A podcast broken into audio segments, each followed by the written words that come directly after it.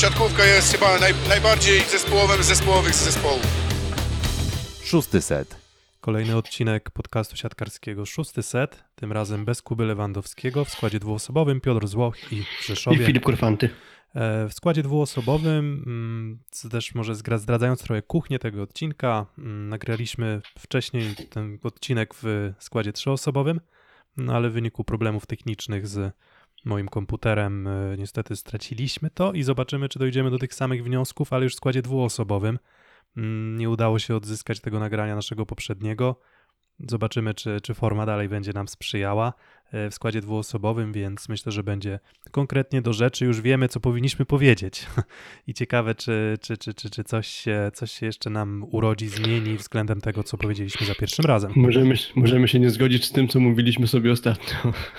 Dokładnie. E, Mam nadzieję, że nie będziemy zaprzeczać samym sobie, ale z drugiej strony nie, nie będziecie wiedzieć, co miało być w tym planowym pierwszym odcinku. Więc w sumie nawet jeżeli to zrobimy, to, to, to nie, nie powinno być to skrzywdą dla was. Nie będziecie kręcić z niedowierzaniem głową, że sami sobie zaprzeczamy. E, Pozostała nam jeszcze jedna pozycja do omówienia na półmetku rundy. Co prawda już pierwszą kolejkę e, te, tej rundy drugiej e, rozegraliśmy. Mm, Dzisiaj, 21 stycznia, zaczyna się już kolejka druga tej rundy. No ale my cały czas jeszcze gdzieś mentalnie zostajemy w tym, w tej, tej, tej rundzie pierwszej. E, No i zostali nam rozgrywający. Wybraliście już najlepszego atakującego rundy, którym został Bartosz Filipiak, a wybraliście najlepszych przyjmujących, najlepszy Bartosz Kwolek, no i do pary z nim Nikolas Szerszeń, dwóch takich wyróżniających się najbardziej zawodników. Z waszym zdaniem a na środku mamy Piotra Nowakowskiego i Sejeda. Mm, Wysoko I tu można też dodać, że tam była najbardziej wyrównana rywalizacja akurat, bo te głosy się tak chyba najrówniej rozłożyły w przypadku właśnie środkowego. Tak, bardzo głosy się bardzo, bardzo, bardzo rozłożyły równo. Mm, Tyle tylko, że e, no w sumie tam nawet kandydatura innego była dość wysoko. Bo, bo w sumie wydaje mi się, że te nasze typy środkowych największe emocje wzbudziły wśród też odbiorców, bo, bo w sumie gdzieś tam Karol Kłos się pojawiał bardzo mocno, promowany przez, przez kilku użytkowników, co właśnie, bo żeby, żeby też nie tak, żeby nie zabrzmiało, to, że kogoś tam zabrakło, zabrakło w czołowej trójce, to nie oznacza, że uważamy, że ktoś zagrał słabą rundę, a mam wrażenie, że niektórzy mogli tak trochę odebrać, a tak absolutnie, absolutnie nie jest. Wybieracie też libero najlepszego z trójki Paweł Wojtaszek, e, przepraszam, Damian Wojtaszek, Paweł Zatorski i Jakub Popiwczak, a, no i inny, to też ten z trójki, z trójki plus inny, czyli z tych czterech opcji wybieracie. Wydaje się, że Damian Wojtaszek absolutnie zwycięży, no poczekamy do końca, do końca ankiety, no i została nam jeszcze jedna pozycja rozgrywających. Pozycja trudna do oceny, dlatego że nie widzimy też tej kamery statystyków. E, Ten obraz e, z kamery telewizyjnej bardzo często utrudnia nam ocenę tego, czy rozgrywający rozgrywał dokładnie, niedokładnie. No ale mimo wszystko spróbujemy się jakoś za ten temat zabrać. No to może Filip, do ciebie najpierw pytanie, kto takim negatywnym zaskoczeniem, jakbyśmy mieli wybrać z tych rozgrywających ligowych podstawowych, no albo tych, którzy podstawowymi mieli być, a po prostu przegrywają rywalizację. Jak wrócimy do początku sezonu, tych naszych dyskusji przedsezonowych, to bardzo liczyliśmy na Marcina Komendę, że przynajmniej przełoży formę z sezonu reprezentacyjnego na formę klubową, ale to nie nastąpiło, mimo że zaczął w szóstce pierwsze mecze Resowi, to wyglądało to niezbyt dobrze i trener Gruszka w końcu postawił na pierwszego rozgrywającego Kabikę Shodzi i były takie zapowiedzi, że to może być akurat najlepszy transfer Resowi.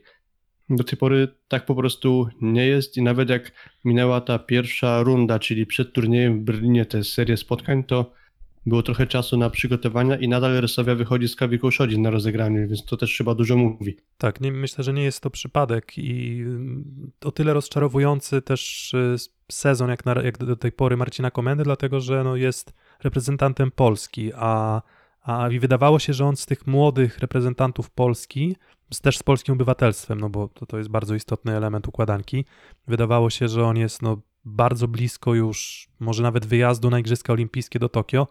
Mm, Wydaje się, że jednak jeżeli wybieramy z trójki Grzegorz Łomacz, Fabian Drzyzga i Marcin Komenda, no to Marcin Komenda tą rundą jak na razie zaprzepaszcza swoje szanse. Oczywiście sezon reprezentacyjny jeszcze daleko, e, ale, ale zgadzam się, że jest, jest rozczarowaniem. Mm, No i teraz nie wiem, no można byłoby szukać różnych przyczyn. Może, może tego, że po prostu ma innych kolegów na boisku, z którymi, z którymi gra, e, z którymi trudniej jest się może zgrać, może gdzieś tam presja e, presja wywierana czy, czy w zespole, czy, czy przez kibiców, czy ogólnie odczuwana przez zawodnika.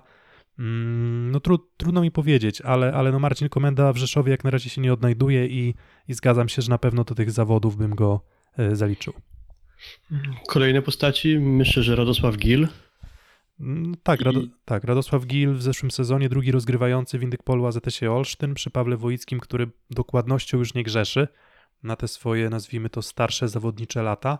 Mm, No i wydawało mi się, że on będzie dostawał więcej szansy, nie dostawał więcej szans i teraz jak e, gra w Bydgoszczy i przegrywa rywalizację z Piotrem Lipińskim, no to mm, no wydaje mi się, że to jest taki argument, który no, wybrzmi, który wybrzmiewa jakby sam za siebie, tak? I w zasadzie w momentach, w których Radosław Gil się pojawiał na boisku, no to, to on, on swojej drużynie bardzo nie pomagał, no a nie ma oczywiście komfortu wyboru wszystkich stref, tak? No bo to nie, nie, nie- ma bardzo mocnych zawodników obok siebie w drużynie, no ale 0 zwycięstw i 15 porażek, no to to na pewno na, e, na, na, na jakieś tam listę przewin rozgrywającego na pewno częściowo można to zrzucić.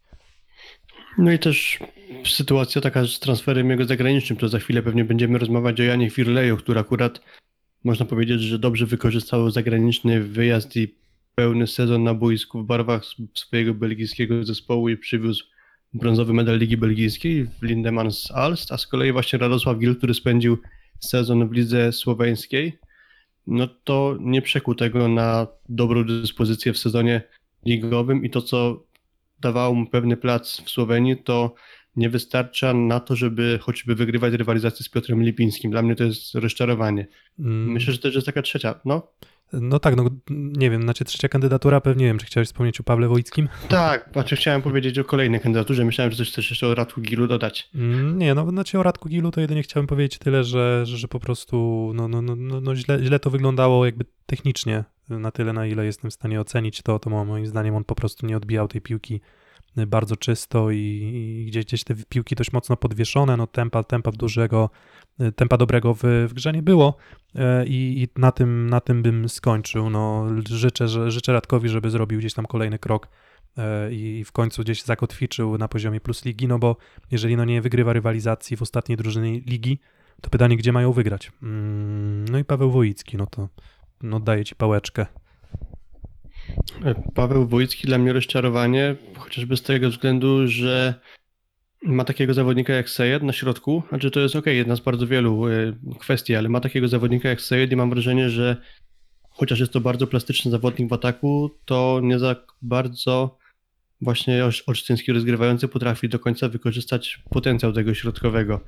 Mm, oprócz tego też mamy takich y, zawodników na skrzydłach, którzy też po, potrzebują czasami specyficznej piłki wystawionej, jak chociażby Robert Andringa. I też moim zdaniem Paweł Wójcki mu nie pomaga. E, wiemy też, jak wyglądały w ogóle całe jego mecze, bo tu mówimy o konkretnych zawodnikach, gr- grze z konkretnymi zawodnikami, ale bywało nawet tak, że przyjechał Olsztyn na podpromie, wygrał mecz z Resowią, a ja miałem wrażenie, że Paweł, Paweł Wójcki zagrał słaby mecz. Więc ogólnie to Mm. też dla mnie jest rozczarowanie. Tak, na palcach jednej ręki można, można wskazać e, te, te naprawdę dobre mecze, czy nawet niezłe mecze Pawła Wojickiego. Raczej w tym momencie, gdy AZS miał tam taki bilans chyba 7 zwycięstw, dwie porażki w pewnym momencie, to, to, to, to raczej mm, pomimo Pawła Wojickiego, a nie dzięki e, Pawłowi Wojickiemu. No i dodatkowy tutaj jeszcze mm, kamyczek do ogródka, że że gdzieś ta dyspozycja fizyczna po prostu wygląda źle. No i tam ja taką statystykę przywołuję, e, która pokazywała, że no jak Paweł Wojicki ma piłkę dograną na nos, mm, to cały czas, no gdy nie musi biegać, tak, gdy, gdy gdzieś nie musi, powiedzmy, nie wiem, zdyszany biegać po boisku. Wiem, przyjmujący nie ułatwiają mu sp- sprawy, to też trzeba powiedzieć jasno i wyraźnie, ale w momencie, gdy ma piłkę dograną na nos, no to bardzo wysoką skuteczność drużyny potrafi utrzymywać, no ale wystarczy, że musi zrobić gdzieś te dwa, trzy kroczki gdzieś w, w okolicy drugiego, trzeciego metra, no i nagle okazuje się, że, że, że, że już z tych piłek, gdzie no trzeba trochę, no nie wiem, więcej finezji czy, czy więcej dokładności dorzucić, no to Paweł Wojicki po prostu swoim zawodnikom nie pomaga i jest drastyczny spadek w skuteczności ataku całej drużyny. No i im dalej biega, tym wygląda to gorzej, więc, y, więc no nie dość, że to przyjęcie w Olsztynie, no o czym może będziemy mieli okazję porozmawiać, ale, ale, ale wygląda słabo, to, to, to jeszcze sam Paweł Wojicki no po prostu nie jest w takiej formie fizycznej, żeby, żeby te pewne rzeczy, rzeczy korygować. No, tyle tylko, że pytanie, czy jest rozczarowaniem, jeżeli przed sezonem mówiliśmy, że jest takie ryzyko, że będzie tak grał. Mhm. I też jeszcze podziękowania dla Aluronu Virtus EMC Zawiercie za ciekawy zestaw statystyk na ich stronie klubowej. Stamtąd wynika m.in. to, że bardzo często Paweł Wójcki z okolicy trzeciego metra wystawia piłki do Sejada właśnie. Mm, I to też w sumie łączy się z tym, co powiedziałeś o jakości przyjęcia, że stara się Paweł Wójcki właśnie ten ofensywny potencjał irańskiego środkowego wykorzystać. Nie zawsze to się dobrze sprawdza, ale jeśli popatrzymy na efektywność właśnie Sejera z takich piłek, to wygląda to dość nieźle nawet. E, Także no, faktycznie nie zawsze jest rozpieściany dobrym przyjęciem Paweł No, Wójcik. no, no ale pytanie, pytanie, czy wygląda to dobrze, dlatego że jest to Sejed, czy dlatego, że piłki podaje Paweł Wojicki. Tak, właśnie, bo to też no, wspominaliśmy przedtem, na ile plastycznym zawodnikiem jest właśnie irański środkowy i nawet jak te piłki są niezbyt wygodne, to potrafi sobie nieźle radzić, aczkolwiek no też nie można przeginać, że żeby to były jakieś piłki, które Sejed musi atakować z półobrotu czy coś takiego. Tak, innych bardzo mocnych kandydatów do, do, do miana, nie wiem, rozgrywających, którzy zawodzą, ja nie widzę. Może. A Michał Masny na przykład? Mm, no. Myślę, że trochę gorzej Trochę gra niż gorzej, w poprzednich tak. sezonach i to też myślę, że jest jedna ze składowych tego, że gorszy sezon notuje Aluron Virtus IMC Zawiercie. No, to też znowu no, wrac- odwołujemy się do wieku sportowego. Jeszcze w zeszłym sezonie, jak porównywałem Pawła Wojickiego i Michała Masnego, no to Michał Masny też może napędzany tym, tymi dobrymi wynikami zawiercia. Wyglądał fizycznie naprawdę fenomenalnie. No, nie był takim łatwym wcale punktem do sforsowania na bloku. Teraz też no, to jest taki, nie wiem, może jakiś tam papierek lakmusowy, że, że, że, że on, już, on już tym bloku nie pomaga i też trochę zgubił dokładność y, rozegrania. Tempo dalej próbuje utrzymać, ale, ale, ale z tą dokładnością, dokładnością bywa różniej. Mm, różnie, po prostu bywa, bywa gorzej niż w poprzednim sezonie. No i to też jest tak, że no znowu, no jeżeli Aluron Virtus EMC przegrywa na koniec rundy chyba 5 spotkań z rzędu, nie zdobywa punktu, no to zno, trudno jest nie winić tutaj rozgrywającego, który gra w zasadzie od deski do deski. On nie był w stanie wymyślić nic, co pomogłoby zawierciu mm, te punkty zdobywać. Okej, mi się wyczerpała lista zawodników, którzy trochę mnie rozczarowali. Chyba, że jeszcze coś ci przychodzi, ktoś ci przychodzi do głowy? Mm, To znaczy może jeszcze, nie wiem, może, może para rozgrywających radomskich, czy może Dejan Vincic, bo, bo też wydaje mi się, że ten zeszły sezon miał dużo lepszy i, i w tym, tym może zestawienie personalne też miał lepsze, bo, bo o tym trzeba zawsze pamiętać, że no, nie, nie zawsze widzimy wszystko i być może łatwiej po prostu grało się Vinciczowi, gdy miał, nie wiem, Żalińskiego, Fornala, mm, Żygałowa mm, i Hubera. Tak, być może, być może wtedy po prostu miał tę układankę personalną łatwiejszą, ale w tym sezonie też no, swojej drużynie, swojej drużynie mam wrażenie, że no nie zawsze, nie zawsze pomaga, ale, ale, to, ale to nie powiedziałbym, że to jest jakiś bardzo duży minus, jeżeli chodzi o, o Radom bo i o, i o samego Vincicza, więc nie, nie, nie, nie, nie, doszukiwamy się tak jakichś bardzo mocnych y, negatywów. No a pozytywy, kto, kto zaskoczył cię pozytywnie? Znaczy, Nim akurat podejmę ten temat, to w sumie też trochę takim rozczarowaniem, akurat nie związanym stricte z tym, co widzimy na boisku, jest Michał Kęcierski, który zaliczył sezon właściwie od deski do deski we włoskiej Serie A. Jego zespół był jedną z rewelacji rozgrywek, po czym wraca do Polski i jest rezerwowym, co też w sumie jest niezłym argumentem do takiej tezy, że samo to, że grasz w Serie A jeszcze niekoniecznie musi coś wielkiego oznaczać, ale to tylko taka dygresja. No, sądziłem po prostu, że Michał Kędzierski będzie grał częściej, a na razie tak to nie wygląda. Wracając do I- no- tego, co pytasz z pozytywnych postaci, na pewno zastanowiłbym się nad Joshua Tuanigo z Ślepska Malow Suwałki.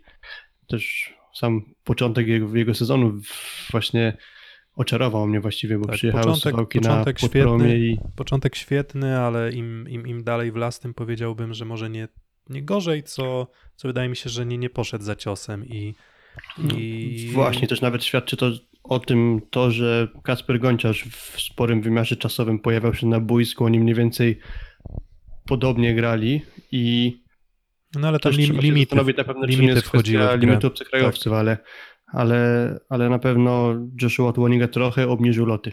Mm, Joshua, no, Joshua Tuaniga mm, mimo wszystko na plus, bo też pierwszy sezon poza Stanami, pierwszy sezon poza ligą uniwersytecką, czyli można powiedzieć siatkówce zawodowej, profesjonalnej, europejskiej.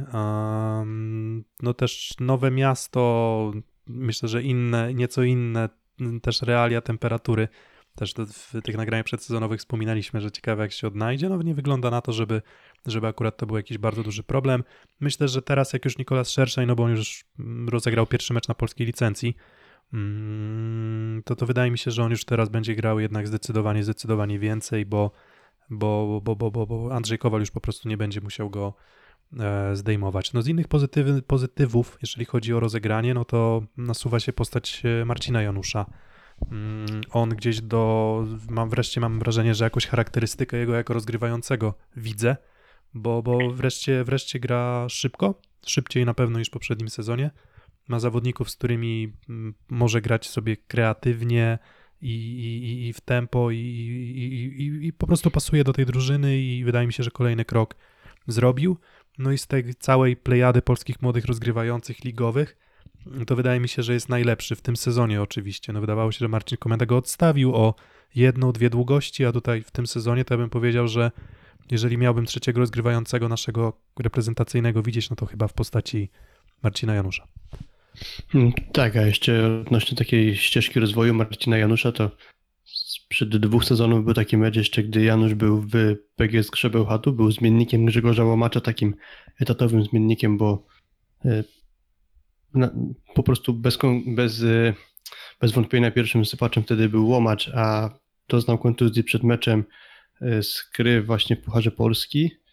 Nie były takie wątpliwości, jak zastąpi go Marcin Janusz. Pamiętam taki odcinek szóstego seta z Kamilem Sołoduchą, gdzie Kamil Sołoducha właśnie o Marcinie Januszu powiedział, że to nie jest pan Janusz z trybun. Czyli, że to jest rozgrywający, który ma zadatki na dobrego gracza, tylko wtedy był jeszcze rezerwowym, a teraz już jest pełnoprawnym pierwszym rozgrywającym zespołu, który jest jedną z rewelacji tej pierwszej rundy, bo piąte miejsce samo za siebie e, mówi. Mm, Więc widać ewidentnie po nim, że on kroczy ze swoją karierą naprzód. Przed tym sezonem jeszcze mogliśmy się zastanawiać i zastanawialiśmy się, czy może Łukasz Kozub, czyli no, zmiennik, e, jak się okazuje teraz Marcina Janusza, czy on może go wygryźć, czy on może być tym pierwszym rozgrywającym. No i też samo to, że w zasadzie Marcin Janusz gra prawie że od deski do deski, bo miał, miał chyba tam jedną czy dwie szanse na dłuższym wymiarze e, Łukasz Kozub e, zagrać, to mm, no to też pokazuje, że, że, że, że, po prostu ugruntował swoją pozycję, no i ufa mu trener winiarski bardzo mocno. Mm, Inne kandydatury? Może Jan Firley? Jan Firley to też w sumie, no tak, na pewno pozy- pozytywne zaskoczenie, może nawet nie tyle zaskoczenie, co pozytywny, pozytywna runda w jego wykonaniu. To przedtem padło właśnie to, że wykorzystał swój zagraniczny wyjazd, zdobył brązowy medal w belgijskiej i teraz wrócił po sezonie do Plus Ligi i wywalczył sobie miejsce w pierwszym składzie katowickiego zespołu. Chociaż to też nie było tak, że on grał od deski do deski, bo od czasu do czasu Maciej Fijałek pojawiał się na boisku, ale to trochę w przypadkach Tuanigi, że na pewno Firley miał lepszy początek, a im dłużej trwała runda, tym miewał kilka gorszych spotkań, ale cała runda w jego wykonaniu mi się wydaje, że na plus. Mm, No też, też uważam, że na plus e, nie wiedzieliśmy do końca czego się spodziewać, e, ale no okrzepł w Belgii e, Jan Firley i, i widać, że mm, no dla rozgrywającego jednak rozegranie sezonu w podstawowym składzie jest no bardzo, bardzo istotne. Mm, No i on to zrobił no, uciekając z Polski, nazwijmy to uciekając, może nie uciekając, tylko po prostu szukając swojej szansy na, na regularną, powtarzalną grę. E, Grał no, w jednej z lepszych drużyn y, belgijskich, y, no, otrzaskał się na, na, na tym poziomie e, no, średnim europejskim, ale, ale, ale wydaje mi się, no, że jednak, jednak całkiem niezłym. E, No i teraz przełożył to na grę w GKS-ie Katowice i, i cały czas ma takie momenty, w których mam wrażenie, że trochę się gotuje w końcówkach. Stąd też takich przegranych tiebreaków Katowic y, sporo, ale, ale finalnie, finalnie nie, nie, nie, nie, mo- nie mogę narzekać na jego postawę. uważam bardzo na plus y, postać i, i ciekaw jestem, czy on też gdzieś tam w notesie Vitala Heinena się może znajdzie na sezon reprezentacyjny, może na sezon z Ligą e, Narodów. Na pewno jednym z jego mankamentów, albo po prostu nie jest atutem jego wzrost, jak na rozgrywającego. Mm, Raczej należy do tych zawodników z kategorii, nazwijmy to, niższych, ale na pewno na plus jego jest to, że on bardzo dużo punktów zdobywa atakiem, czyli chociażby kiwkami. On ma jedną z największych średnich na set pod względem punktów zdobytych atakiem. No wiesz, Więc- no ale, ale w sumie nie, ja tak, tak właśnie sprawdzam, no 1,88 m nie jest to jakiś dramat, w sensie nie jest to tak, że Tak, są, Że- są niżsi. są, tak, są, są, są niżsi, a, a nawet ci niżsi właśnie jak, nie wiem, Benjamin Toniutti czy, czy Michał Masny też potrafią, a, potrafią swoim e, rywalom utrudniać, utrudniać grę.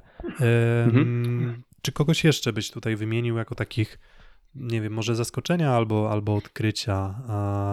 Miguel, Oprócz takich oczywistych wyborów, myślę, że warto by się pochylić nad Miguelem Tavaresem z Kuprum Lubin. No właśnie, no i tutaj znowu, no pytanie, czy e, ja chyba spodziewałem się odrobinę więcej, ale, ale, ale nie wiem, czy na ogólne wyniki drużyny i na, na postawę Tavares, Tavaresza, bo to chyba trzeba tak z tym szy portu, y, po portugalsku, więc na Miguela Tavaresza e, postawę po prostu wydaje mi się, że nieco, nieco rozczarowanie, może nie rozczarowanie. E, spodziewałem się może ciutkę, ciutkę więcej, te aspekty ofensywne uwypuklone bardzo mocno, starał się pomagać e, drużynie, ale, ale z rozegraniem mam pewien zgrzyt. Mhm. Też specyfika jego zespołu jest nie, najłatwiejsza do prowadzenia dla, e, dla rozgrywającego. Mamy Jakuba Ziobrowskiego na prawym skrzydle, który większość rundy nie miał zmiennika. Sam Ziobrowski moim zdaniem grał słabo po prostu. Mamy Robinsona Dworanena, który zagrał to, czego się po nim spodziewałem, ale wiemy, że ze względu na jego charakterystykę fizyczną wymaga specyficznych piłek. To nie jest tak, że wystawisz po prostu świeczkę na lewe skrzydło i facet sobie poradzi, tylko jest to dla niego raczej misja z tych takich niemożliwych do zakończenia sukcesem. Tak, lekki E, szpital na, na pewno środku. wykreował sobie Tak, to jeszcze szukając dodatkowych elementów, no to szpital na środku. Tak, szpital na środku, więc to też nie jest e, prosta sprawa, jeżeli ciągle musisz szukać wariantów z kimś nowym i tych rotacji tam było sporo, ale na pewno na plus wykreowaniu sobie lidera ofensywnego w postaci Bartłomieja Lipińskiego. Mm, No i chyba na, na tym możemy skończyć, jeśli chodzi o te postaci, które, e, które się wyróżniały jakoś mocno na plus. No w zasadzie nie omówiliśmy może jeszcze Grzegorza Pająka. No TJ'a Sandersa można do rozczarowań dorzucić, no bo, bo trudno rozczarowaniem nie nazwać zawodnika, który ucieka z powodu bólu pleców, mniej lub bardziej rzekomego, a potem na turnieju kwalifikacyjnym w swojej reprezentacji gra i pomaga w awansie na igrzyska w Tokio, więc no pytanie, jak to z tymi plecami było. Mm, Dokładnie, jak w sumie mieliśmy taki mm, parametr trochę przy poprzednich ocenach pozycji poszczególnych, że raczej nie porujemy tych zawodników, którzy nie zagrali całej rundy, a w przypadku Grzegorza Pająka to rzeczywiście jest tak, że on grał po prostu względnie mało. Ale raczej, ale raczej grę MKS-u Będzin y, poprawił, uporządkował, no wyniki Tak, a myślę, że taką, takim stemplem o tym świadczącym jest jego mecz w, w, przeciwko Zachsie, przeciwko grupie Azoty Zachsie, Kędzierz- Zachsie Kędzierzyn-Koźle. E, myślę, że bardzo dobry mecz w jego wykonaniu. No i tak uciekamy od y, tych rozgrywających z czołowej czwórki ligi. Y, Werwa Warszawa, Orlen Paliwa, czyli Antoine Blizzard, y, grupa Azoty Zaksa, Benjamin Toniutti, Skrabeł Chatów, Grzegorz Łomacz, Jastrzębski Węgiel, Lukas Kampa. No i czwórka chyba zawodników, którzy znajdują się we właściwych drużynach, na właściwych miejscach, czyli po prostu bardzo dobrze rozgrywający, najlepsi rozgrywający ligi. E, No, stawiają, jak to już ładnie powiedziałeś, swój stempelek na, na grze czterech najlepszych zespołów po, e, po pierwszej rundzie. E, No i kto według ciebie może najlepszy z tej, z tej czwórki? Mhm, Gdybym ja miał typować rozgrywającego, który był dla mnie najlepszy w tej rundzie, to pierwszy raz od wielu sezonów to nie będzie Bentoniutti, wybrałbym Hmm. Atuana Blizzarda, z tego względu, że Francuz po prostu bardzo dobrze grę Warszawy prowadził. Nie miał też takiej łatwej sytuacji ze względu na to, co chociażby działo się na prawym skrzydle, gdzie trafił tam Jan Król, który był właściwie już zakontraktowany w pierwszej lidze w zespole, który raczej nie będzie czołową drużyną tamtych rozgrywek. mm, co już samo w sobie komplikuje trochę sytuację, bo nie masz takiego pewniaka na prawym skrzydle i pewne sytuacje wymusza na lewym skrzydle właśnie, że trzeba sobie trochę radzić w niezbyt, nazwijmy to, kompletnym zespole. Aczkolwiek Jan Król nie zawiódł.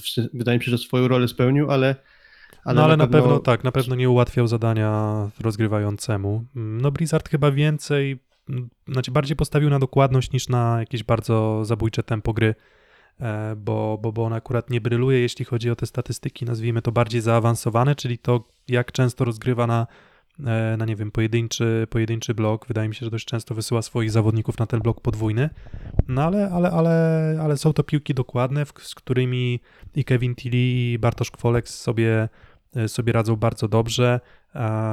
Coś, co, coś, na co też zwracaliśmy uwagę w grze Warszawy, czyli bardzo dobrze wyglądał pipe. Mm, No i z uwagi na to, że po prostu tego prawego skrzydła brakowało, no to były takie momenty, w których aż do, do, do, do, do, do, do, do bólu, aż, aż e, bardzo często wykorzystywał tych swoich e, przyjmujących z drugiej linii. No i robił to bardzo skutecznie, więc, e, więc, więc trochę tak właśnie ta Warszawa swoją grę skonstruowała, że to prawe skrzydło często e, omijali. I, I za to też plus dla Blizzarda, no on też z tej całej czwórki mm, rozgrywających z czołówki jest najlepszy w tym takich Mm. elementach liczbowych. Czyli Wspomniałeś bloki, właśnie o bloki, tych zagrania. elementach liczbowych, to trochę też rozwijając temat, on mniej więcej w środku stawki był, jeśli chodzi o procent wystaw do środkowych bez bloku i na pojedynczy blok, tylko tutaj jeszcze jest kwestia tego, że na środku ma Piotra Nowakowskiego, który nawet jak ma podwójny blok, to jeśli złapie piłkę na swoim zasięgu, to jest bardzo trudny do zatrzymania.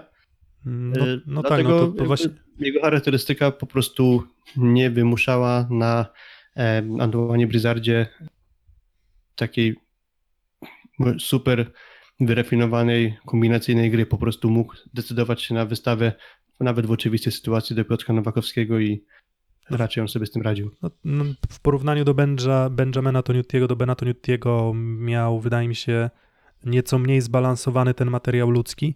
Mm, aczkolwiek no sam Ben Toniutti no też no, wypadł mu Łukasz Kaczmarek, który zaczął sezon e, dobrze, a potem no, przyszła ta no, niepokojąca no, kontuzja, czy, czy, czy w zasadzie schorzenie tam e, mięśnia sercowego. Mm, więc, więc on też tutaj na przykład Arpada Barotiego uważam, że całkiem umiejętnie do gry wprowadza i, i, i to on, on też jest ben, ben, trzeba dać Benowi Toniutiemu, oddać mu to, że dzięki niemu Węgier wygląda lepiej. W zasadzie no, Toniutti ma coś takiego w sobie, że w zasadzie przy nim każdy zawodnik wygląda dobrze i nawet te postaci gdzieś tam wchodzące z dalszego szeregu, nie wiem, jak w zeszłym sezonie, jak grał Tomasz Kalempka, no to on też grał dobrze. E, Jak teraz, nie wiem, zagra Sebastian Warda, to zakładam, że przy Toniuttim też będzie dostawał bardzo dobre, bardzo dobre piłki. Mm, No ja mam problem z wyborem Blizzard czy Toniutti, ale, ale no powiedzmy, że w nieco w trudniejszej sytuacji był Blizzard i dlatego ja też go typuję jako takiego rozgrywającego najlepszego w tej rundzie. E, Na pewno Chociaż też na pewno na korzystnie nie wpłynęło na grę Toniutiego odejście sama Dero, czyli takiego pewniaka w ataku Zachsy do tej pory. Byli dobrze zgrani i po prostu mógł mieć pełne zaufanie do Belga, a teraz dość niespodziewanie akurat Dero się e, przeniósł do Dynamo Moskwa i to na pewno skomplikowało trochę system gry Zachsy Kędzierzyn-Koźle. Mm, No ale, ale to z kolei sprawiło, że Toniutti musiał się odnaleźć w nowych realiach i w tych realiach wydaje mi się, że odnalazł się bardzo dobrze, bo on tę grę poukładał tak, że mniej więcej porówno tych piłek dostają, e, dostaje każdy z trzech skrzydłowych i tak środka było sporo, tak, tak dalej, jest sporo tego środka, ale, ale on, on sobie wykreował Olka Śliwkę, on sobie wykreował w drugiej części rundy Kamila Semeniuka i, i za, to też, za to też duży plus. No jak oceniasz Grzegorza Łomacza? w sumie ciekawa, chyba najciekawsza, czy też budząca najwięcej wątpliwości postać tej całej czwórki jest. Można było sporo negatywnych opinii poczytać o grze właśnie rozgrywającego PGS Krybełchatów, Bo w sumie ale i, moim zdaniem I w, Tak. zeszłym, I w zeszłym sezonie, i, i w sezonie kadrowym. Tak, to prawda. Zresztą to, że tak chwaliliśmy Grzego, nie Grzegorza Macza, tylko Marcina Komendę za sezon kadrowy, też w sumie się nie wzięło z niczego, bo on dostawał szanse i, i je wykorzystywał, a właśnie Grzegorz Łomacz tak nie błyszczał, więc może tym większa tęsknota za dobrą grą rozgrywającego, Hmm. który nie nazywa się Fabian Drzyzga. Do tego sezonie kadrowym jeszcze. A, co do jego gry właśnie w tym sezonie, no to to jest rozgrywający, mówiliśmy przedtem o tych liczbach, który najczęściej obok Lukasa Kampy jest w stanie na środek e, po pozytywnym i perfekcyjnym dograniu wystawiać na pojedynczy blok lub bez bloku. No i Tak, też druga strona medalu, czy też idąc za tym, świetnie z tego potrafił korzystać środkowi Bełchatowa, którzy mają bardzo dobrą skuteczność. Mm, Nie wiem, czy na przykład, nie wiem, te parametry, jeżeli chodzi o skuteczność ataku em, przyjmujących skry, czy to nie jest jakiś tam kamyczek do ogródka Grzegorza, Grzegorza Łomacza, ale wydaje mi się, że po prostu Ebadipur i Szalpuk nie są w bardzo wysokiej formie. A więc też nie jest tak, że, że Grzegorz Łomacz sobie może, nie wiem, w każdym meczu wybrać dowolną strefę w dowolnym momencie i, i ma pewność, że skończą, więc, więc trochę musi kombinować. Gra dużo środka, dużo sytuacji, em, tak, tak jak zresztą sam wspominałeś, tych trudniejszych, czyli nie, nie, nie, nie z bezpośrednio pod siatkę. Mm, No i robi to, robi to bardzo dobrze. No na pewno, na pewno dał sygnał Witalowi Heinenowi, że e, no okej, no może nie był to na mój najlepszy sezon reprezentacyjny, chociaż zresztą no pamiętamy, że on i pojechał na, do, do Gdańska, tak, na, na ten turniej kwalifikacyjny do Igrzysk.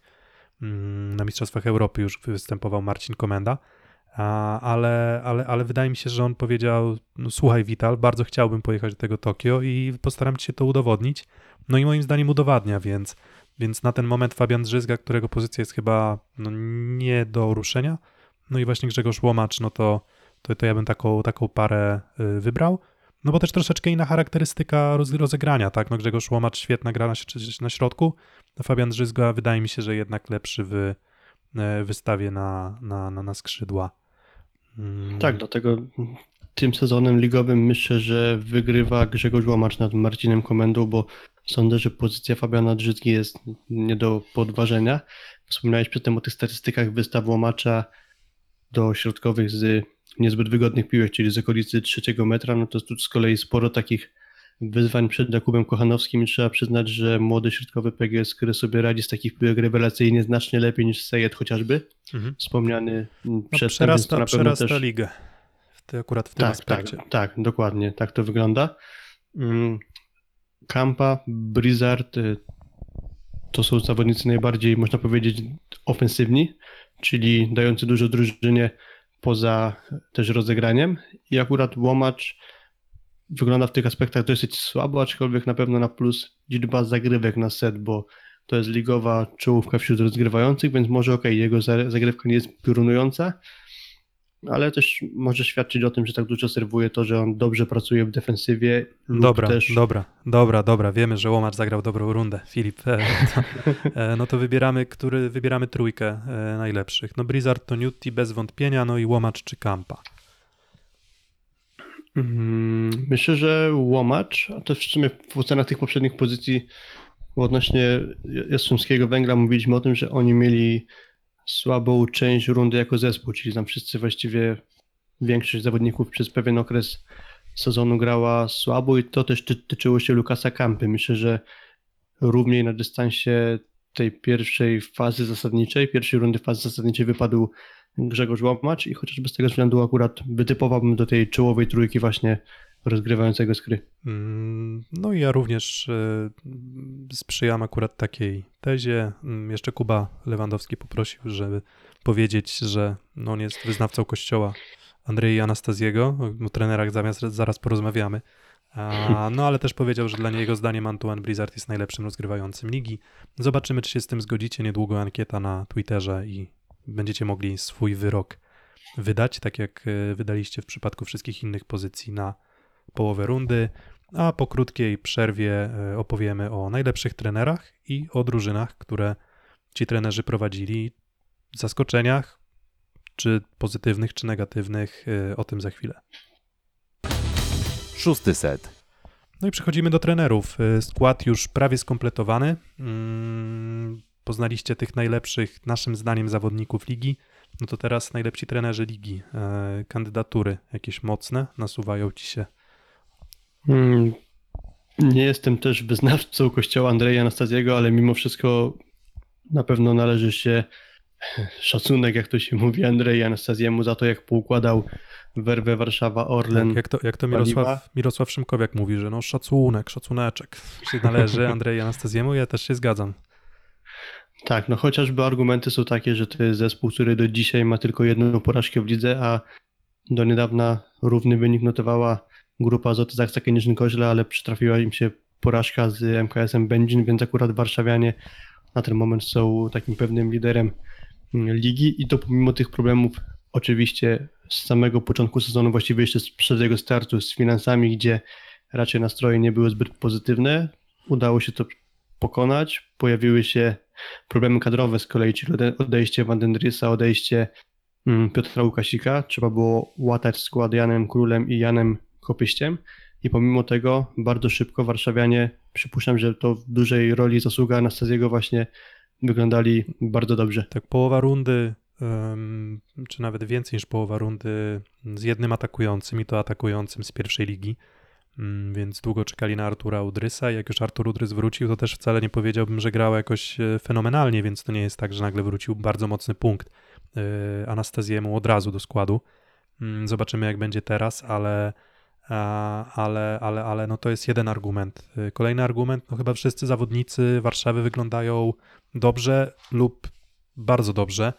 Mm, Na przykład Patryk Niemiec, tak? No, razem z Andreą Anastazim i Piotrem Nowakowskim i, i tam chyba jeszcze kilkoma postaciami w sztabie e, z Gdańska do Warszawy się przeniósł przed sezonem.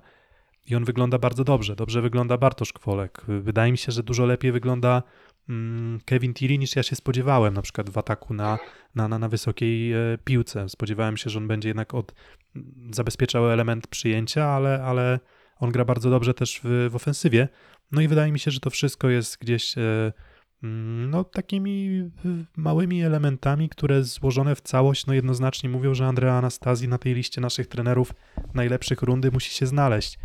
Mm, Nawet w tych ankietach przedsezonowych mówiliśmy, no, że okej, wtedy nie wiedzieliśmy, jak będzie wyglądać sytuacja na prawym skrzydle, jak będzie wyglądać sytuacja finansowa Warszawy. Sytuacja finansowa się poprawiła, sytuacja na prawym skrzydle też się poprawiła, no ale wtedy typowaliśmy, że Warszawa no to gdzieś tam bliżej miejsca 5-6. Mm, No a oni są liderem i to liderem bardzo mocnym i, w zasadzie no ta jedna porażka jak do tej pory w lidze mówi sama za siebie, więc Andrea Anastazji na pewno tak. No i Mówimy o lidze, ale na pewno takim kamykiem do ogródka włos- włoskiego szkoleniowca i jego zespołu jest porażka w Lidze Mistrzów w Lizbonie, co mocno komplikuje akurat sytuację warszawian w kontekście no awansu i, z grupy. I, I trudno jest też tej porażki w jakiś tam sposób nie zapisać na konto Andrzeja Anastaziego, no bo nie trener gra, zawodnicy, no ale on akurat y, bardzo mocno zaryzykował, jeśli chodzi o wystawienie składu, bo uznał, że, że, że poradzi sobie komfortowo. A tu się okazało, że, że, że no ten skład gdzieś tam z Michałem Kozłowskim na rozegraniu nie poradził sobie w Lizbonie i pomimo tego, że potem próbował gdzieś zmianami ratować sytuację, no ale to jest Liga Mistrzów. No, nie oceniamy go jako najlepszego trenera Ligi Mistrzów, no, oceniamy go jako najlepszego trenera pierwszej rundy y, plus ligi. Mm, Moja kandydatura kolejna no to jest Andrzej Kowal, Mm, bo Ślepsk Suwałki to jest kolejna drużyna, o której raczej nie, no nie, raczej nie zakładaliśmy, że będzie grać tak dobrze, że będzie grać tak ładnie dla oka i że wyniki będą też tak, tak dobre w tabeli, że, że oni gdzieś tam w okolicach tych miejsc playoffów będą się trzymać tak mocno, no bo na ten moment zajmują ósme miejsce w tabeli. Zgadzasz się?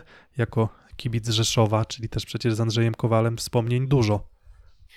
Tak, ja akurat o trenerze Kowalu mam pozytywne zdanie i tu mówię o jakby całym okresie, okresie jego pracy, a już bardzo dobre zdanie myślę, że śmiało można mieć odnośnie jego pracy w Suwałkach, bo pamiętam nasze przedsezonowe typowania, to chyba większość z nas typowała Suwałki w okolice 12-13 miejsca w tabeli, przynajmniej ja tak miałem. E, I ósme miejsce na zakończenie pierwszej rundy fazy zasadniczej, no to jest bardzo dobry wynik, zwłaszcza, że chociażby Suwałki dopiero gdzieś w połowie listopada zagrały pierwszy mecz w swojej hali, co na pewno nie jest takie proste, ciągłe jeżdżenie na wyjazdy, mało czasu na treningi, brak atutu własnej hali, własnych kibiców, także taki wynik zrobiony przez drużynę Kowala na pewno mnie bardzo pozytywnie zaskakuje. Też widać, że trzyma się w swojej filozofii właśnie polski szkoleniowiec, bo przed sezonem w wywiadzie powiedział, że będą stawiać raczej na grę szybką, kombinacyjną i duży nacisk będzie kładziony na siłę rażenia na zagrywce i, i pod tym względem suwałki rzeczywiście dobrze wyglądają i ta założona wcześniej filozofia się sprawdza, przynosi dobre efekty. Też wykreował sobie wyraźnego lidera w postaci kapitalnie grającego Nikolasa Szerszenia. Widać, że zaufał mu już w zeszłym sezonie, nawet w Rzeszowie, ale wtedy jego ograniczały kontuzje. Teraz już jest zdrowy i wygląda znakomicie, więc trudno właściwie do czegoś się odnieść w kontekście negatywnym w przypadku trenera Kowala. Mm, To tutaj jeszcze no, był, to, był to chyba jednak autorski skład mm, Andrzeja Kowala. E, Jak to często z Beniaminkami bywa, oni nie mają też łatwej sytuacji, jeśli chodzi o negocjacje na rynku transferowym. No ale wydaje mi się, że no, ciekawa postać ta Kwama. Mm, Postawił na Joshua Tuanigę, mm, co, co nie jest też takie oczywiste, żeby młodych, no, młodych rozgrywających z, z kraju innego niż Polska postawić w tej lidze. On postawił i wydaje się, że Amerykanin mu się spłaca. No i, i, ogólnie patrząc, to też ma sporo zawodników, którzy grali w pierwszej lidze. Mm, I wydawało się, że no, z jakiegoś powodu dużego doświadczenia w tej najwyższej klasie rozgrywkowej nie zebrali jak do tej pory. No a udaje też się u, u, albo ukryć, albo uwypuklić atuty tych zawodników. Mówię tutaj na przykład, nie wiem, o środkowych, że, że, że wcale od Takwama dużo gorzej, e, dajmy na to, nie wiem, Sapiński, nie, nie, czy Sieknie nie wyglądali, tak, więc, e, więc, więc może to też kwestia rozegrania. No ale, ale wydaje się, czy, czy na przykład bardzo dobra postawa Filipowicza też na libero, więc nie miał aż tak dobrego składu, aż tak otrzaskanego składu, żeby, mm, żeby, żeby w, pierwszej, nie wiem, myśli stawiać i Suwałki czy, czy Andrzeja Kowala jako, jako, jako drużyny, które będą, nie wiem, może nie, nie dominować w lidze, ale radzić sobie bardzo dobrze, a, on, a ta drużyna na pewno radzi sobie bardzo dobrze. Mm, To kto jeszcze zaskoczył? No Michał Winiarski chyba. Na pewno Michał Winiarski, tak jest. Michał, Michał Winiarski. Winiarski, trener zespołu, który zajął piąte miejsce w tabeli. Zawodnicy wybrani przez niego tacy wydawałoby się nieoczywiści, jak chociażby ściągnięty z Niemiec Paweł Halaba, który na pierwszy rzut oka to nie był taki super pewnie, że ściągamy Pawła Halabę i to będzie zawodnik na miarę czołowych przyjmującej ligi, a jednak miał dobrego nosa i postawienie na Halabę mu się sprawdza. Mm, Oprócz tego wykreowanie takiego atakującego jak Bartosz Filipia, który gra jeszcze lepiej niż w Bydgoszczy i jest, tak jak zresztą głosowaliście, wybraliście go najlepszym atakującym pierwszej rundy, to też myślę, że też trzeba jako atut e, trenera winiarskiego mm, oddać, że potrafi tych zawodników odpowiednio poprowadzić, że oni oddają to, co najlepsze na boisku. Po prostu przyjemnie się patrzy na Gdańszczan, jeśli widzimy ich wolę walki, zawziętość, to, że nie odpuszczają. Nawet jak przegrywają spotkania, to nie miałem wrażenia, że oni grali jakoś wyraźnie źle. Mm, No, tutaj podpisuję się pod wszystkim to, co powiedziałeś o doborze zawodników w składzie. No bo tak, ani Paweł Halaba nie był tym zawodnikiem oczywistym.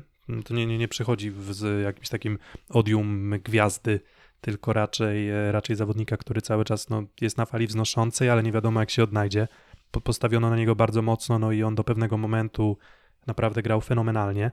Mm, Bartosz Filipiak progresuje. E, Mordyl na środku, to też kolejna postać, o której, o której gdzieś już wspominaliśmy, że e, zrobił postęp. Mm, Marcin Janusz, e, no miarą sukcesu trenera są nie tylko wyniki, ale też to, jak ci zawodnicy poszczególni grają. Powtórzę się, bo to samo powiedziałem przy Andrei i Anastazim. I, i, i, to jest, I to jest jakby kolejny argument za tym, że, że Michał Winiarski no, może przed sobą karierę trenerską mieć bardzo, bardzo dobrą, bo Gdańsk się ogląda dobrze. Gdańsk cały czas jeszcze jest drużyną młodą i też tutaj ukłony dla prezesa Gadomskiego, no i właśnie, właśnie Winiarskiego za to, że stworzyli skład, który w zasadzie, jeżeli uda się utrzymać, no to naprawdę może być już takim solidnym trzonem do może nie walki o jakieś najwyższe cele w kolejnym sezonie, ale w perspektywie może dwóch, trzech sezonów, jeżeli udałoby się utrzymać Janusza, Halabę, mm, może Mordyla, e, to, to, to wydaje mi się, że to może być drużyna groźna dla każdego. Zresztą już teraz jest groźna dla każdego. E, No i, i za to, za to brawa dla Michała Winiarskiego, brawa dla Trefla Gdańsk, bo, bo to też jakby oceniając trenera pozytywnie, no to też na pewno mm, za, zasługi idą dla całej, całej drużyny. E, No to, zespół groźny i zespół, który już zameldował się w półfinale Pucharu Polski, o, o czym też myślę należałoby wspomnieć, bo półfinał Pucharu Polski kosztem Jastrzębskiego Węgla to myślę, że już jest duży wynik dla Trefla Gdańsk. tak, no dla, dla każdej drużyny ten awans do Final Four jest y, dużym wynikiem, a Trefl Gdańsk jakoś sobie upodobał te Puchary Polski, no bo, bo nawet w sytuacji, w której on nie był faworytem, a to, to, to on te w, w ostatnich latach dobre wyniki e, na pewno osiągał i tę tradycję będą kontynuować razem z Michałem Winiarskim, więc myślę, że to też bardzo fajna nagroda dla tych młodych zawodników, żeby no, spróbować swoich sił jednak no, w rywalizacji, gdzie no, odpadasz, przegrywasz, odpadasz. I bardzo jestem ciekaw, jak sobie poradzą w, w, w Katowicach, bo chyba w Katowicach będziemy mieli finał Pucharu Polski w Tak jest, w. Katowicach. A inne postaci na ławce trenerskiej, a, Mały plusik myślę, że przy Dariuszu Daszkiewiczu. no to zdecydowanie też, e, znaczy ja sobie go zawsze ceniłem, gdy jeszcze był trenerem Kielc, bo uważam, że też nieoczywiste wybory na rynku transferowym i, i często te, te, te wybory się sprawdzały, a on po prostu wydaje mi się, że wyciskał naprawdę bardzo dużo z, z, Kielc, z Kielczan. A teraz szansa w Katowicach i, i, i wydaje mi się, że no wrócił z impetem do Plus Ligi. Tak, zdecydowanie. Pamiętam jeszcze, jak on był za pierwszym razem zwalniany z Kielc, to byłem bardzo zdziwiony akurat, że on zapłacił swoją posadę za wyniki, za to, co To trochę- działo się w akurat w kieleckiej drużynie. To trochę jak I w też- tym, trochę jak w Ekstraklasie jest, że jeżeli masz trenera, który zrobi wynik ponad stan, to potem jak przestaje robić wynik ponad stan, no to nagle okazuje się być ofiarą własnego sukcesu. I mam wrażenie, że tak trochę było, że, że, że robił dobre wyniki, a potem nagle okazało się, że jak go zabrakło, no to to, to i zabrakło siatkówki w Kielcach na najwyższym poziomie, niestety. Tak, i myślę, że boleśnie się kieleckie środowisko przekonało, że popełniło błąd, bo tak to traktuje po prostu. Wspomniałeś przedtem o nieoczywistych wyborach transferowych, no to kto wie, czy dzięki Dariuszowi Daszkiewiczowi Andrzej Kowal nie sięgał dzisiaj, dzisiaj czy na starcie sezonu po Andrasa Tekwama, który być może gdyby nie właśnie Dariusz Daszkiewicz, który Norwega ściągnął do Plus Ligi wtedy, to może by ten środkowy takiej kariery nie zrobił. E, Ale wracając już do Katowic, to dużo tych tiebreaków, co w sumie też można też przypisać jako pewnego rodzaju plus, bo urywanie punktów najlepszym to, to też nie jest prosta sprawa. Dokładnie. Do Pewnie bólu, byłoby, powtarz- gdyby tych tiebreaków wygrali więcej. powtarzalni e, do bólu e, katowiczanie. No w zasadzie nie było spotkań, w których Katowice, właśnie to, to co mówisz, to jest, na, to jest na pewno duży plus. Nie było spotkań, w których Katowice znacząco odstawałyby od swoich rywali. No może to ostatnie e, z PGS Grał Bełchatów, porażka 0 do 3, bardzo łatwa we własnej hali. Mm, No ale to już była nowa runda, a jak już się koncentrujemy na tej starej rundzie, no to w tej, w tej pierwszej rundzie e, było to na pewno na plus. No mówię, no w zasadzie nie było, nie było spotkań, w których Katowice przegrywałyby bardzo gładko. Tak, i na koniec tej rundy siódme miejsce na pewno powyżej tego, czego oczekiwałem, więc pozytywna postać. Myślę, Idąc że, dalej, mm, myślę, że ja, ja, ja, plusika, ja plusik dałbym e, Michałowi Mieszko-Gogolowi. Jakoś tak mówię, Michał Mieszko-Gogol jakoś się utarło, że tego Mieszko to jego drugie imię mówimy, ale no, trenerowi Gogolowi też. e, to, to trochę tak jakby inni trenerzy nie mieli swojego drugiego imienia. No dokładnie, a akurat właśnie, ale, ale, to chyba, ale to chyba dlatego, że gdzieś e, utarło się, że często właśnie było per Mieszko, Mieszko Gogol. Właśnie jakoś, jakoś nie, nie, nie Michał, tylko nawet sam Mieszko czasem. A, no więc trenerowi Gogolowi, myślę, że na taką men- nomenklaturę możemy się zgodzić. A, Mhm. No to on już powiedzmy gdzieś ten pierwszy sezon, gdzie były względem niego oczekiwania, rozpoczął w Szczecinie, no ale go nie skończył. No teraz e, udało mu się poukładać tę sytuację, gdzie na środku ma trzech bardzo mocnych graczy. Udało mu się poukładać sytuację, gdzie ma dwóch bardzo mocnych atakujących. W dobrej formie zawodnicy i, i tam też były narzekania na to, jak, nie wiem, gra Skraw nie wiem, na początku rundy, no ale trudno, trudno nie było mm, trudno było nie narzekać, gdy no nie masz zawodników do treningu mm, przedsezonowo. I dopiero gdy ci zawodnicy wrócili, zgrali się ze sobą, no to teraz już wydaje mi się, że e, PGS Krabełchatów e, naprawdę wygląda dobrze za, e, za, Gogola. Mhm. Niezbyt dobrze wyglądał po sezonie kadrowym Artur Szalpuk, teraz wygląda już znacznie lepiej, chociażby to też można dopisać po stronie plusów Michała Gogola, że potrafił odpowiednio go poprowadzić i teraz już może korzystać w pełni z jego atutów. Chociażby Mila Debadibury po Pucharze Świata też nie było takie oczywiste, że on już od startu sezonu będzie się dobrze prezentował i, i No i nie, i potrafił nie, i nie prezentował się. odpowiednio poprowadzić. I, i- no i nie prezentował się długo. E, Znaczy, czy długo? No miał, miał takie mecze, w których i cały czas nie wygląda jakoś perfekcyjnie, ale, ale udało się też go odbudować. E, Nikola Grbicz, bo też nowa postać w naszej lidze. Tak, Nikola Grbicz to też pozytywna postać uważam dla mnie z takich względów, że widać chemię po stronie e, drużyny prowadzonej przez niego. Mam wrażenie, że dobre relacje panują między Grbiciem a drużyną. Patrząc tak z boku, nie miałem takiego wrażenia w przypadku trenera, trenera Gardyniego. Miałem często przeczucie, że tam dość oschłe relacje między drużyną a trenerem panowały. W przypadku Grbicia to wygląda zgoła inaczej. A oprócz tego jeszcze duży plus, czy też duża różnica względem Gardiniego to liczba rotacji, bo tak pół żartem mówiąc, to przypuszczam, że pomimo choroby Łukasza Kaczmarka, to Andrea Gardini do dzisiaj nie wiedziałby, kto to jest Filip Grygiel. Tak, a A Filip, on dostał całkiem sporo czasu do gry w ostatnim e, spotkaniu z akcji z, mm, z, z tak? Także tak, nie jest, nie to jest, jest jeden przykład Grygiela, ale, ale też inni zawodnicy są mocno e, zmieniani, Tak, i, dostają sporo szans gry. No i tak, i znowu, mm, jak rozmawialiśmy o Toniu Team i mówiliśmy, że no, brakuje może mu Samadero, no to też no, zabrak, brakuje ewidentnego lidera. No i nagle tak, wypada ci mm, atakujący, na którym chciałeś budować grę ofensywną, mm, który zaczyna dobrze sezon. E, nie masz na przyjęciu już Samadero, no i, i coś musiał wymyślić Nikola Grbicz, no i wydaje mi się, że wymyślił. Oczywiście, no dalej jest tam dużo jakości i przed sezonem też to mówiliśmy, ale to nie jest tak, że, że, że, że ja uważam, że to jest, nie wiem, tak mocna zaksa jak w poprzednim sezonie personalnie. Mm, ale na pewno cały czas mocna i umiejętnie te klocki poukładał Nikola Grbicz i on nie jest jakoś zadufany w sobie, on widać, że, że, że wyciąga wnioski i pamiętam po porażce z Warszawą też w wywiadzie mówił, że, no, że przyznał, że po prostu byli słabsi i znalazł elementy, w których musieli się poprawić i kolejny mecz wyszedł już im bardzo, bardzo dobrze, więc za to też cenię, cenię sobie ludzi, którzy potrafią wyciągać wnioski z własnych y, działań. Nie wszystko się uda wygrać, jak pokazał ten mecz z MKS-em Będzin, o którym wspomniałeś, ale, ale Nikola Grbicz myślę, że też lepiej niż się spodziewałem, bo, bo powiedzmy ta jego historia z reprezentacją Serbii czy, czy, czy, czy w lidze włoskiej może nie była zła, ale, ale nie była jakaś bardzo spektakularna, żeby mówić, że on na pewno się spisze, a, a spisuje się dobrze. Mm, No to rozczarowania trenerskie. Jeszcze może na słowo Slobodan Kowacz, bardzo pozytywny start w Jastrzębiu, ale trochę skrócony dystans względem pozostałych, więc na pewno na plus, ale to nie tak oczywisty wybór jak w przypadku pozostałych szkoleniowców. Mm, No, poukładał grę drużyny i efekt nowej miotły na pewno zadziałał. Mm, Wygrana w Kazaniu, niebagatelna sprawa. Tak, ale, ale tak, wygrana w Kazaniu to tak jak Andrei Anastaziemu za Ligę Mistrzów Plusa raczej nie damy, tak i Nikoli Gribiczowi i, i Slobodanowi Kowaczowi za, za występ Lidze Mistrzów na pewno ten plusik się należy. A rozczarowania trenerskie? Bo rozczarowania trenerskie byłyby chyba też powiązane z rozczarowaniami, jeśli chodzi o, o postawę samych drużyn.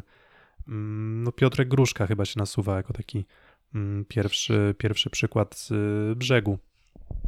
No tak, typowaliśmy Rysowia znacznie wyżej w tabeli, a na półmetku Rysowia I nie tylko- wylądowała nie na tylko my. miejscu. Nie tylko my typowaliśmy Tak, tak, nie, nie tylko my, no myślę, że znacznie wyżej sięgają ambicje Aseko Rysowi i trochę to tak wygląda, że okres przygotowawczy, czy też dłuższa przerwa w grze, czas na przygotowania nie służy drużynie rzeszowskiej, bo pamiętamy poprzedni sezon, gdzie bardzo słaby początek, potem przyszła przerwa na kwalifikacje do Mistrzostw Europy i Rysowia chyba trzy kolejne spotkania po tej przerwie przegrała.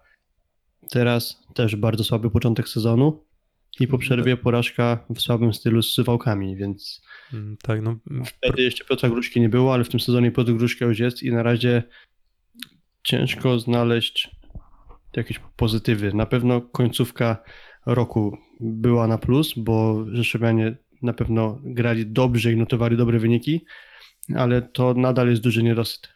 mm, w zasadzie o każdej drużynie mm, w tej lidze jeszcze nie można powiedzieć, że cokolwiek przegrała defini- definitywnie i też nie można tego powiedzieć o Rysowi Rzeszów, y, nie można też tego powiedzieć o Indykpolu AZS-ie Olsztyn. Mm, No tam postać też nowego trenera, Paulo Montagnaniego.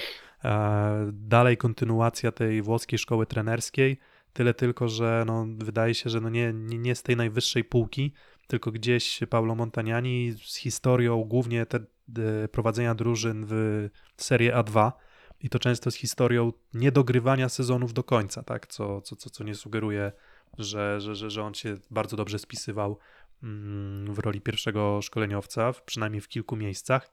No i on zaczął bardzo dobrze, chociaż ja wtedy miałem pewne zastrzeżenia do gry Olsztyna.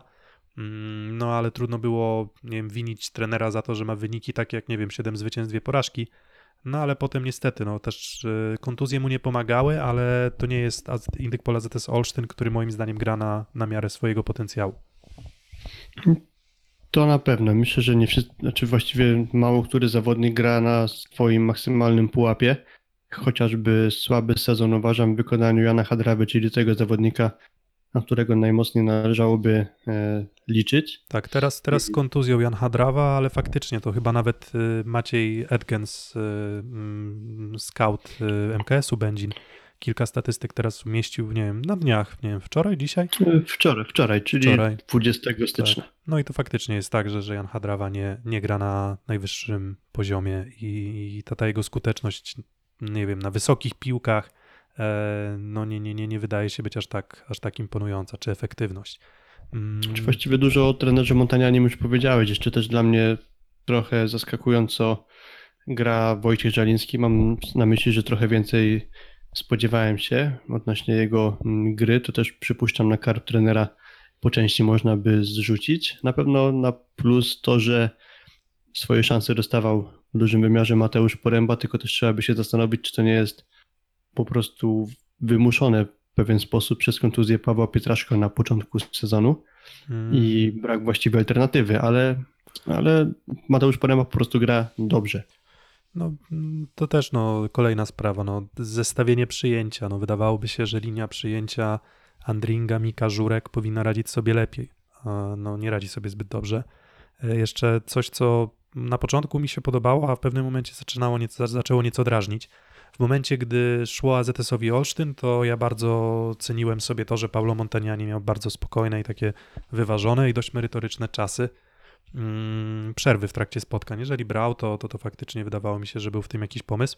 Od pewnego momentu mam wrażenie, że, że pewien chaos się wkradł, jeśli chodzi o zmiany, że mm, jak sobie pomyślę, no, no ile dobrego dały zmiany na przykład Sokołowskiego za Mikę, no niedużo. Może potrzebował chwili odsapnąć Mateusz Mika, bo po prostu nie, nie domagał fizycznie, I- ale, ale te zmiany nie były bardzo dobre. No ile dawały na przykład zmiany na zagrywkę Pawła Pietraszki, średnio. Mm, No więc, więc tutaj wydaje mi się, że, że, że on też do jakiegoś takiego mojego rozczarowania trafia. Mm, To może jeszcze jedna postać i potem wybierzemy sobie tych trzech najlepszych naszych trenerów. E, Mark Lebiediew. Niby, szósta, niby teraz szósta pozycja w lidze, Auronu Virtus EMC Zawiercie, no ale po pierwszej rundzie jedenasta pozycja. Tak, 11 pozycja, 5 zwycięstw, 8 porażek, kilka dla mnie zaskakujących decyzji kadrowych. Tu głównie, w sumie trochę się jak technika, jak, jak zacięta płyta, wspominam o tych sytuacjach z atakującymi, gdzie czasem nie rozumiem wyborów podstawowego atakującego w drużynie zawiercia i takiego upartego trwania przy tym wyborze, jak chociażby przy Grzegorzu Boczku w meczu z Zaksą, gdzie wyszedł w szóstce, grał słabo, nie został zmieniony i tu mam wrażenie, że można było spróbować gry z Mateuszem Marinowskim, ale to nie była taka jedyna sytuacja. Oczywiście na pewno jakieś tam powody swoje australijski trener ma, ale to z zewnątrz wyglądało dziwnie.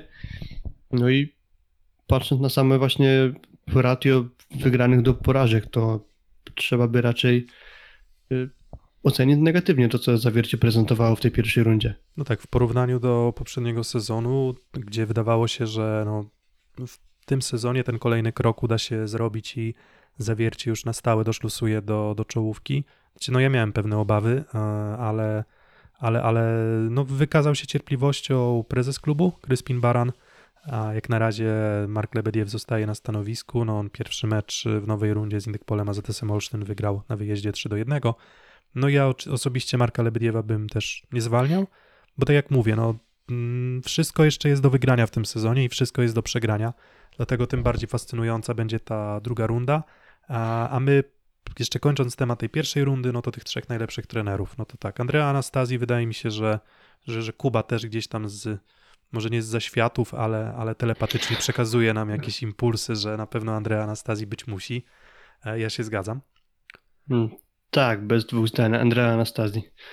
I dwie kandydatury pozostałe.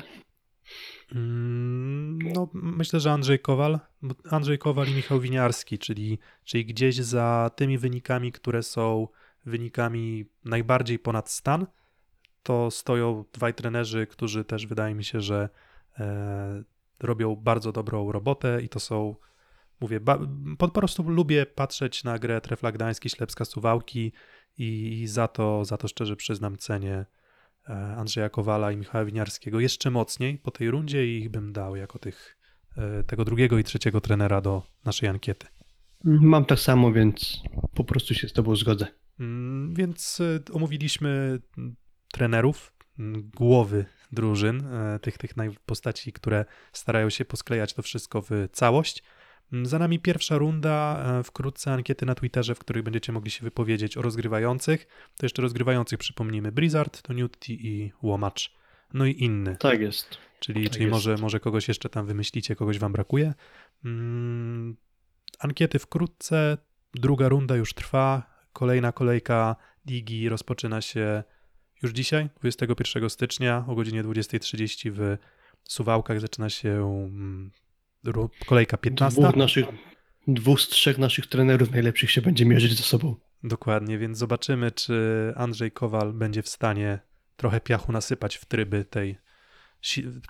Nasypać może trochę piachu w silnik dobrze działający Werwy Warszawa. E, czyli zobaczy, czy, czy może uda się zatrzeć nieco ten silniczek, a, a tymczasem w tym, w tym odcinku za uwagę dziękuję Piotr Złoch, I Filip Korfanty. Kuba Lewandowski, wsparcie merytoryczne.